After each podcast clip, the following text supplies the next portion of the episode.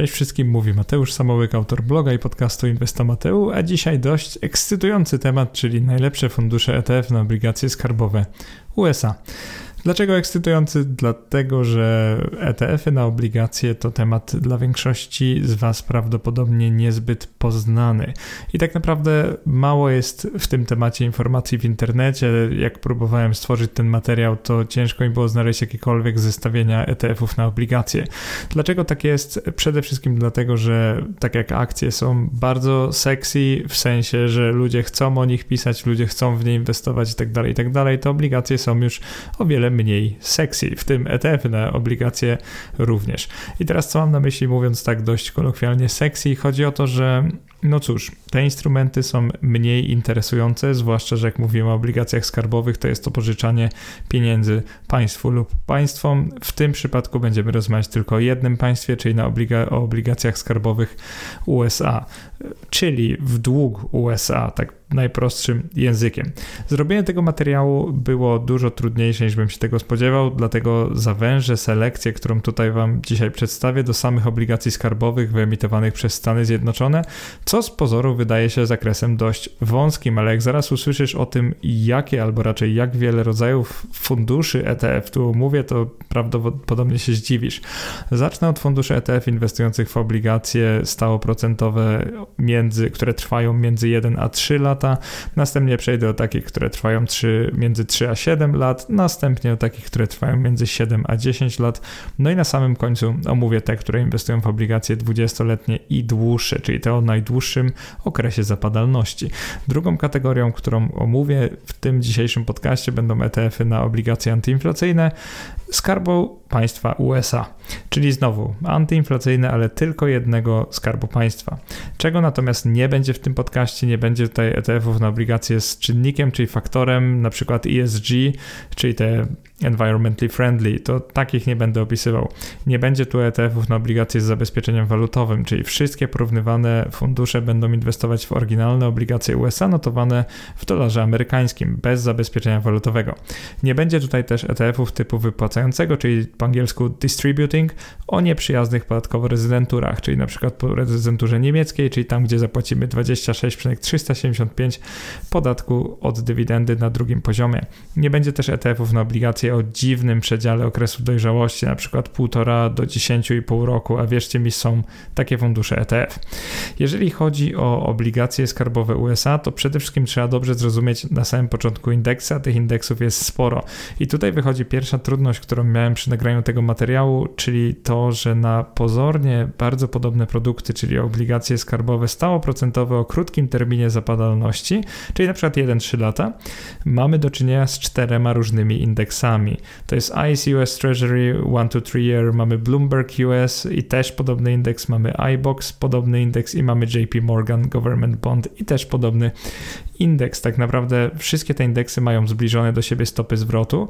E, przykładowo w roku 2019 te stopy zwrotu wynoszą między 3,59%, a między 3,63% e, procent, czyli bardzo podobne. W 2021 dla przykładu one wszystkie wahają się między minus 0,57% a minus 0,61%, więc zauważcie, że te różnice są kosmetyczne, ale jednak warto wspomnieć, że fundusze, które dzisiaj omawiam, będą miały inne benchmarki. Te benchmarki są zbliżone, ale jak widać, no w niektórych przypadkach są pewne rozbieżności. Jeżeli chodzi o wszystkie inne okresy zapadalności, to jest tak samo te ETF-y, które będę omawiał, bazują na różnych indeksach i to jest bardzo istotne, żebyście zrozumieli, że tym razem mamy nie tylko porównywanie samych funduszy, ale też indeksów, na których one bazują. I celowo tutaj we wpisie i na YouTubie wstawiam taką tabelę, która porównuje stopy zwrotów, żebyście mogli, jak już porównam fundusze ETF, żebyście mogli wrócić do tych e, tabel, e, właściwie do tej tabeli i zobaczyć, jak radzą sobie poszczególne indeksy, bo może być tak, że pozornie gorszy fundusz ETF będzie bazował na lepszym indeksie, przez co uzyskiwał lepsze stopy zwrotu.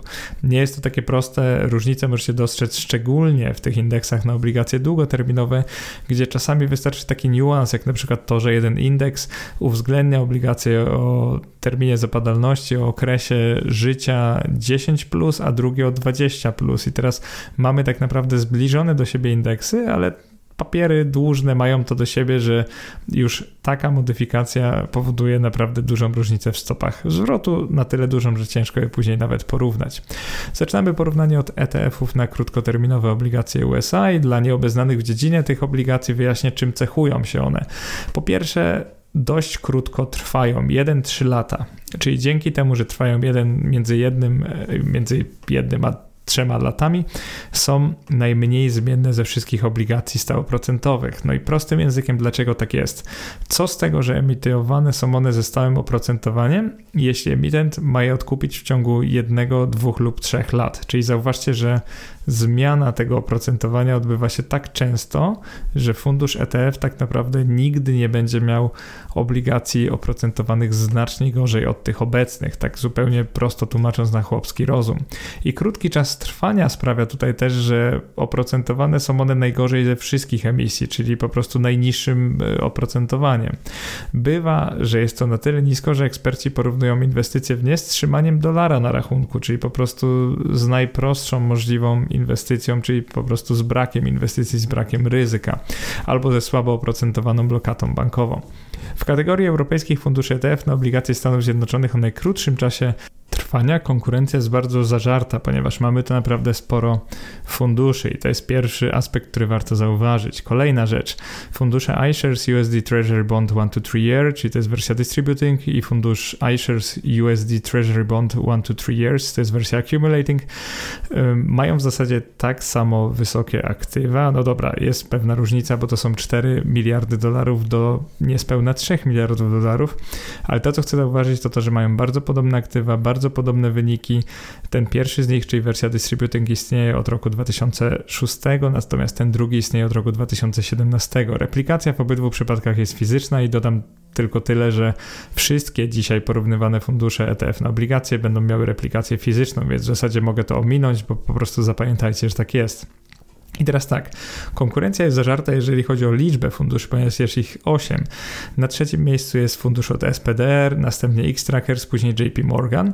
Natomiast wszystkie te fundusze mają o wiele niższe aktywa, bo to jest porównywanie funduszy miliardowych do funduszy, które mają setki milionów, czyli ta różnica aktywów jest dość wysoka. Jeżeli chodzi o parametry typu koszty roczne, czyli TER, Total Expense Ratio, to fundusze iShares wypadają bardzo podobnie do całej reszty ich konkurencji. Jeżeli chodzi o wyniki, czyli Tracking Difference, to jest różnica wzorowania za ostatnie 3 lata, to tutaj już jest bardziej zacięcie, czyli X-Trackers iBox USD Treasuries zdobywa pierwsze miejsce, ponieważ ma najniższą różnicę wzorowania 0,03%. On też istnieje od roku 2009, więc powiedziałbym, że jest dość dobrym wyborem, jeżeli komuś nie przeszkadzają niskie aktywa, czyli 134 miliony dolarów na ten moment oraz typ distributing. Więc jeżeli to komuś nie przeszkadza, ten fundusz ma udokumentowaną wieloletnią historię tego, że no, radzi sobie trochę lepiej od funduszu iShares.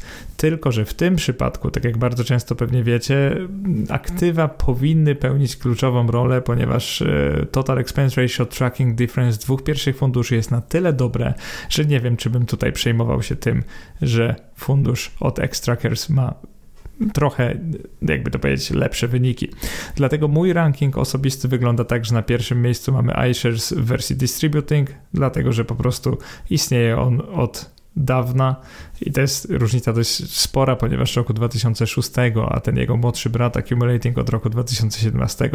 Na drugim miejscu będzie iShares USD Treasury Bond Accumulating. Nie będę tutaj czytał e, kodu ISIN, bo to nie ma sensu. E, ticker i BTA na przykład, jeżeli znasz ten fundusz, i on radzi sobie trochę gorzej od distributing, e, w sensie nie istnieje od tak dawna, natomiast no, jeżeli komuś pasuje wersja accumulating, to będzie on najlepszy i będzie on też najlepszym takim zamiennikiem dolara, jeżeli ktoś nie wie, co zrobić, jeżeli chodzi o fundusze ETF. Na trzecim miejscu ETF X-Trackers iBox USD Treasuries 1, 2, 3. W tym przypadku, tak jak mówiłem, najlepsze wyniki, ale naprawdę śladowe aktywa w porównaniu z tymi funduszami od iShares. Jeżeli chodzi o dostępność funduszy, no to tutaj jest e, dla polskiego inwestora, albo raczej inwestora, który korzysta z polskich kont maklerskich, na przykład BOŚ, mBank albo XTB, Sprawa jest dość prosta, ponieważ tak naprawdę dostępne są tylko dwa pierwsze fundusze, czyli te od iShares. E, ten pierwszy, czyli wersja distributing, notowana jest na przykład w Londynie i Frankfurcie. Tickery to jest IDBT oraz IUSU, e, a ten drugi notowany jest tylko w Londynie IBTA, to jest jego ticker.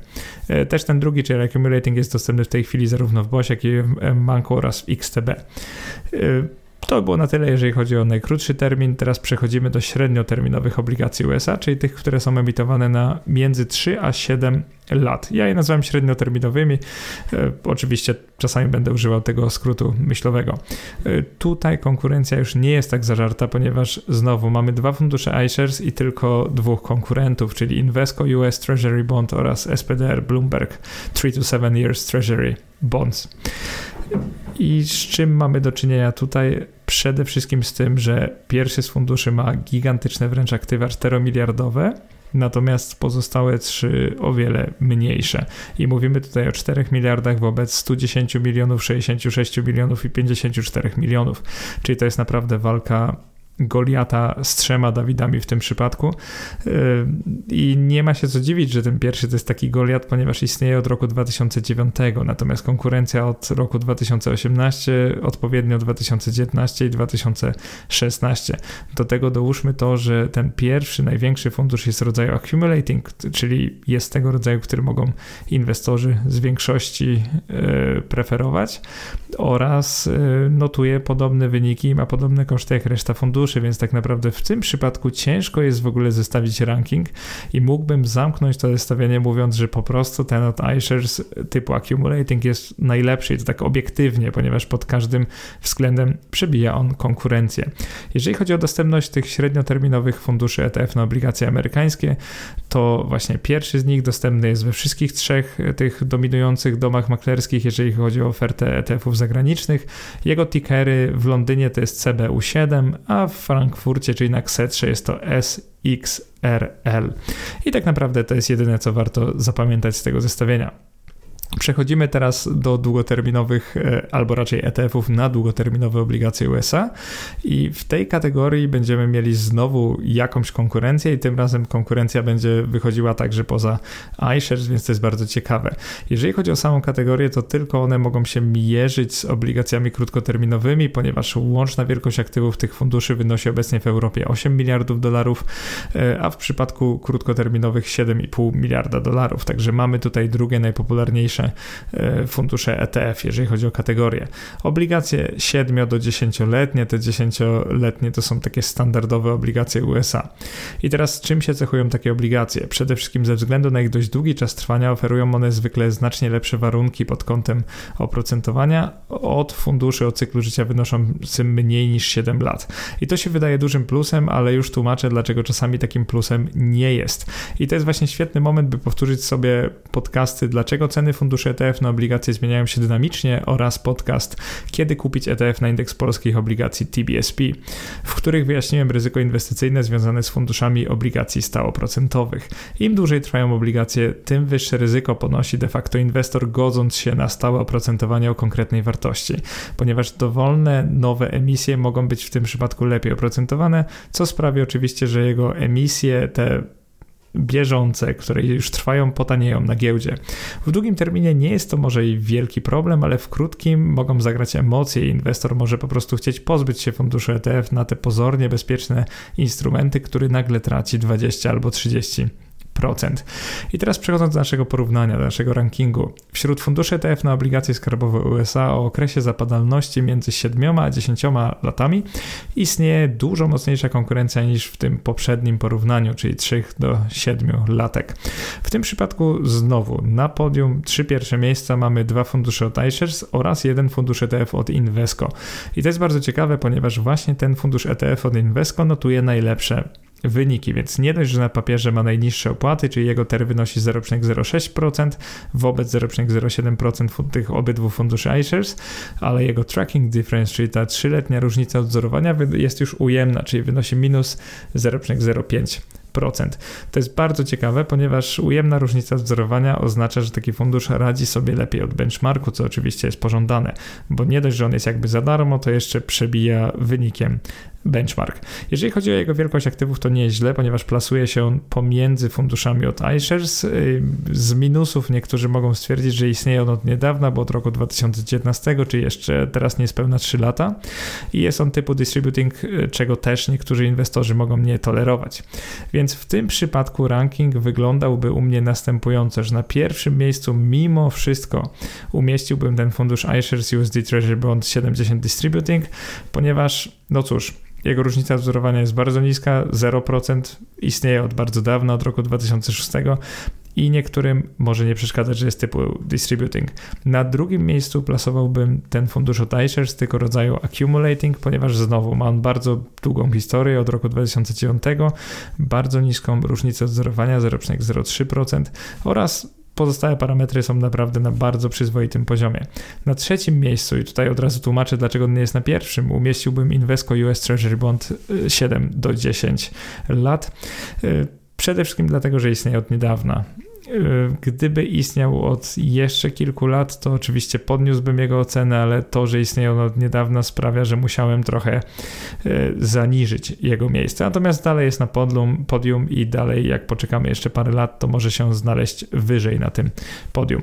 Jeżeli chodzi o dostępność obligacji o takim długim terminie zapadalności 70 lat, to jest to dość nieźle, ponieważ z tej pierwszej trójki, jeżeli mamy konto w BOŚ, to kupimy dwa ETF-y od iShares, jeżeli w XTB to identycznie, jeżeli w mBank banku, to kupimy ten pierwszy od iShares i ten drugi od Invesco, czyli nie kupimy funduszu Accumulating. Ich tickery zawieram w tabeli, ale omówmy tylko ten największy. E, pewnie niektórzy z Was je znają. Zresztą w Londynie wersja w dolarze amerykańskim to jest IDTM, we Frankfurcie wersja w euro to jest IUSM. E, może jeszcze dodając o tym funduszu Accumulating, jego ticker to CBU0, jeżeli chodzi o londyńską wersję dolarową oraz frankfurską wersję eurową, nazwijmy to SXR RM. Inne fundusze, tak naprawdę nie omawiałem ich w ogóle, ale są w tabeli, jeżeli jesteście ciekawi. Teraz przechodzimy do ETF-ów na najdłuższe obligacje USA, czyli te trwające przynajmniej 20 lat. I tutaj znowu w zasadzie nie będzie żadnego porównania, ponieważ w tabeli znajdą się tylko dwa fundusze od iShares. Na pierwszym miejscu ten od e, Distributing, ponieważ ma wyższe aktywa, na drugim ten Accumulating, ale tak naprawdę, no cóż, ciężko je porównywać i tworzyć tutaj ranking tak na siłę, więc powiem tylko, że osoby, które preferują wersję accumulating powinny kupić ten drugi fundusz, osoby, które preferują wersję distributing ten pierwszy fundusz. Ale teraz warto dodać, że obecnie, czyli przy rosnących stopach procentowych USA, właśnie ten indeks, czyli właśnie te ETF-y są najbardziej narażone na te spadki, ponieważ w jego przypadku rentowności tych już wcześniej notowanych długoterminowych obligacji y, są najgorsze w porównaniu do tych nowych emisji albo bieżącej rentowności długu skarbowego USA, więc ich spadki na giełdzie będą najbardziej bolesne, najbardziej dotkliwe, więc uważajcie z inwestowaniem w takie fundusze, jeżeli chodzi o y, krótki termin i jeżeli chodzi o znalezienie się na tej krzywej wzrostowej stóp procentowych. Jeżeli chodzi o tickery, na pewno wiele osób zna te tickery notowane w Londynie, fundusze, ten pierwszy dystrybutor Distributing to jest IDTL, natomiast e, ten pierwszy Accumulating to jest DTLA, on jest notowany tylko w Londynie.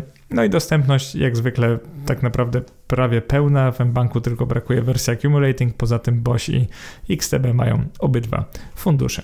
Teraz to, co może interesować wiele osób, to jest ranking funduszy ETF na obligacje antyinflacyjne USA.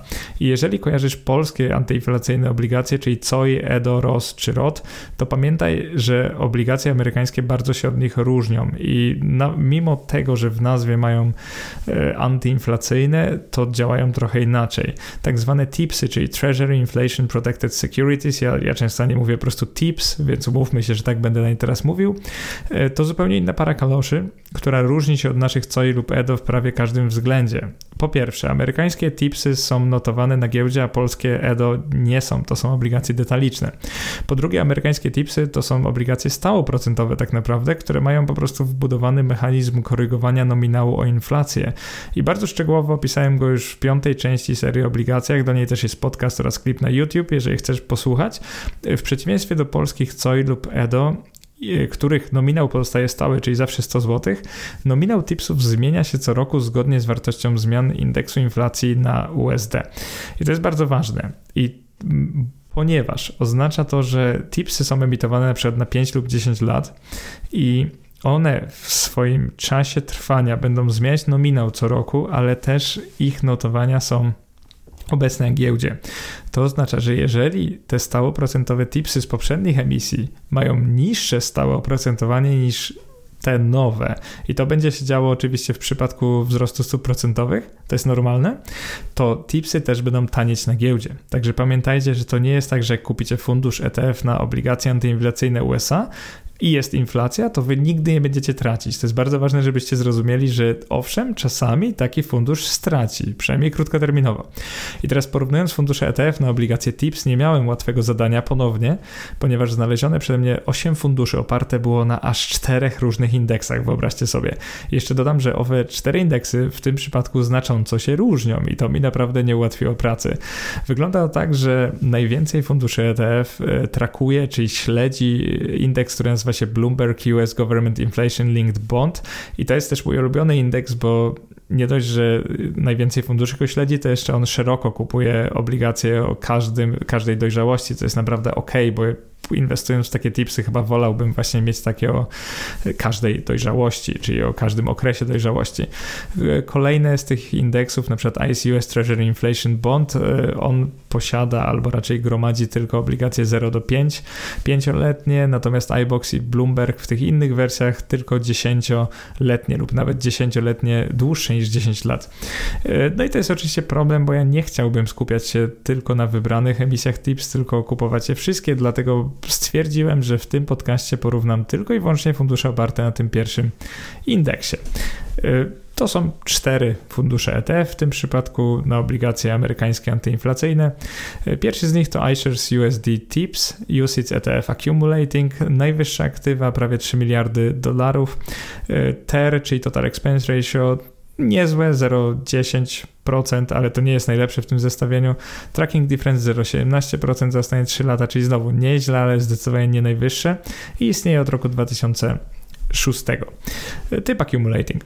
E, jeżeli chodzi o kolejne, no to jest to Lixor, Core US Tips oraz SPDR Bloomberg US Tips i obydwa fundusze mają stale akceptowalne aktywa, ponieważ odpowiednio jest to 800, 850 milionów dolarów oraz prawie 400 milionów dolarów.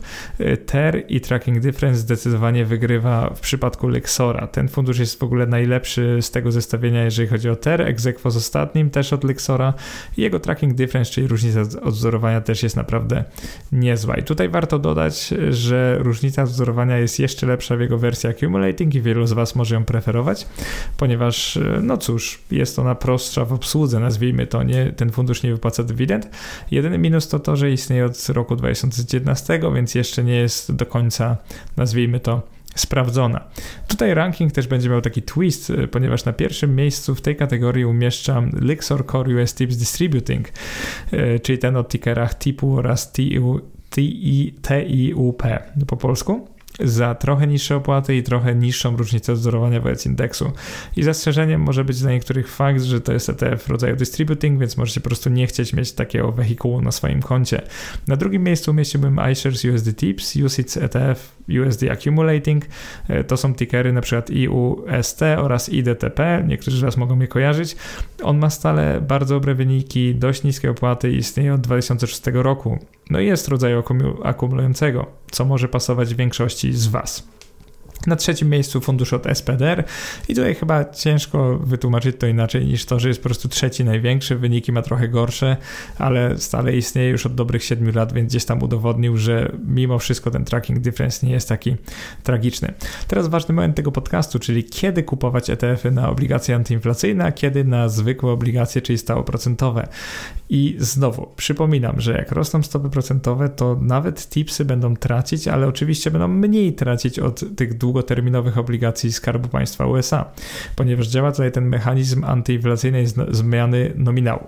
I dobrą demonstracją ich działania może być po prostu od od, od, otwarcie wykresu na stoku.pl oraz porównanie przebiegów ETF-ów. Pamiętajcie, że w tych samych walutach porównujemy przebiegi, więc na przykład w dolarze amerykańskim, tak jak zrobiłem tutaj na rysunku. Jeżeli porównamy sobie IDTL, IDTP oraz IDTM, to są trzy fundusze. Pierwszy to jest długoterminowe obligacje stałoprocentowe, drugi to są antyinflacyjne, a trzeci to jest kolorem zielonym. Tutaj e, to jest na średnioterminowe obligacje, te 7-10. I co tak naprawdę zobaczymy?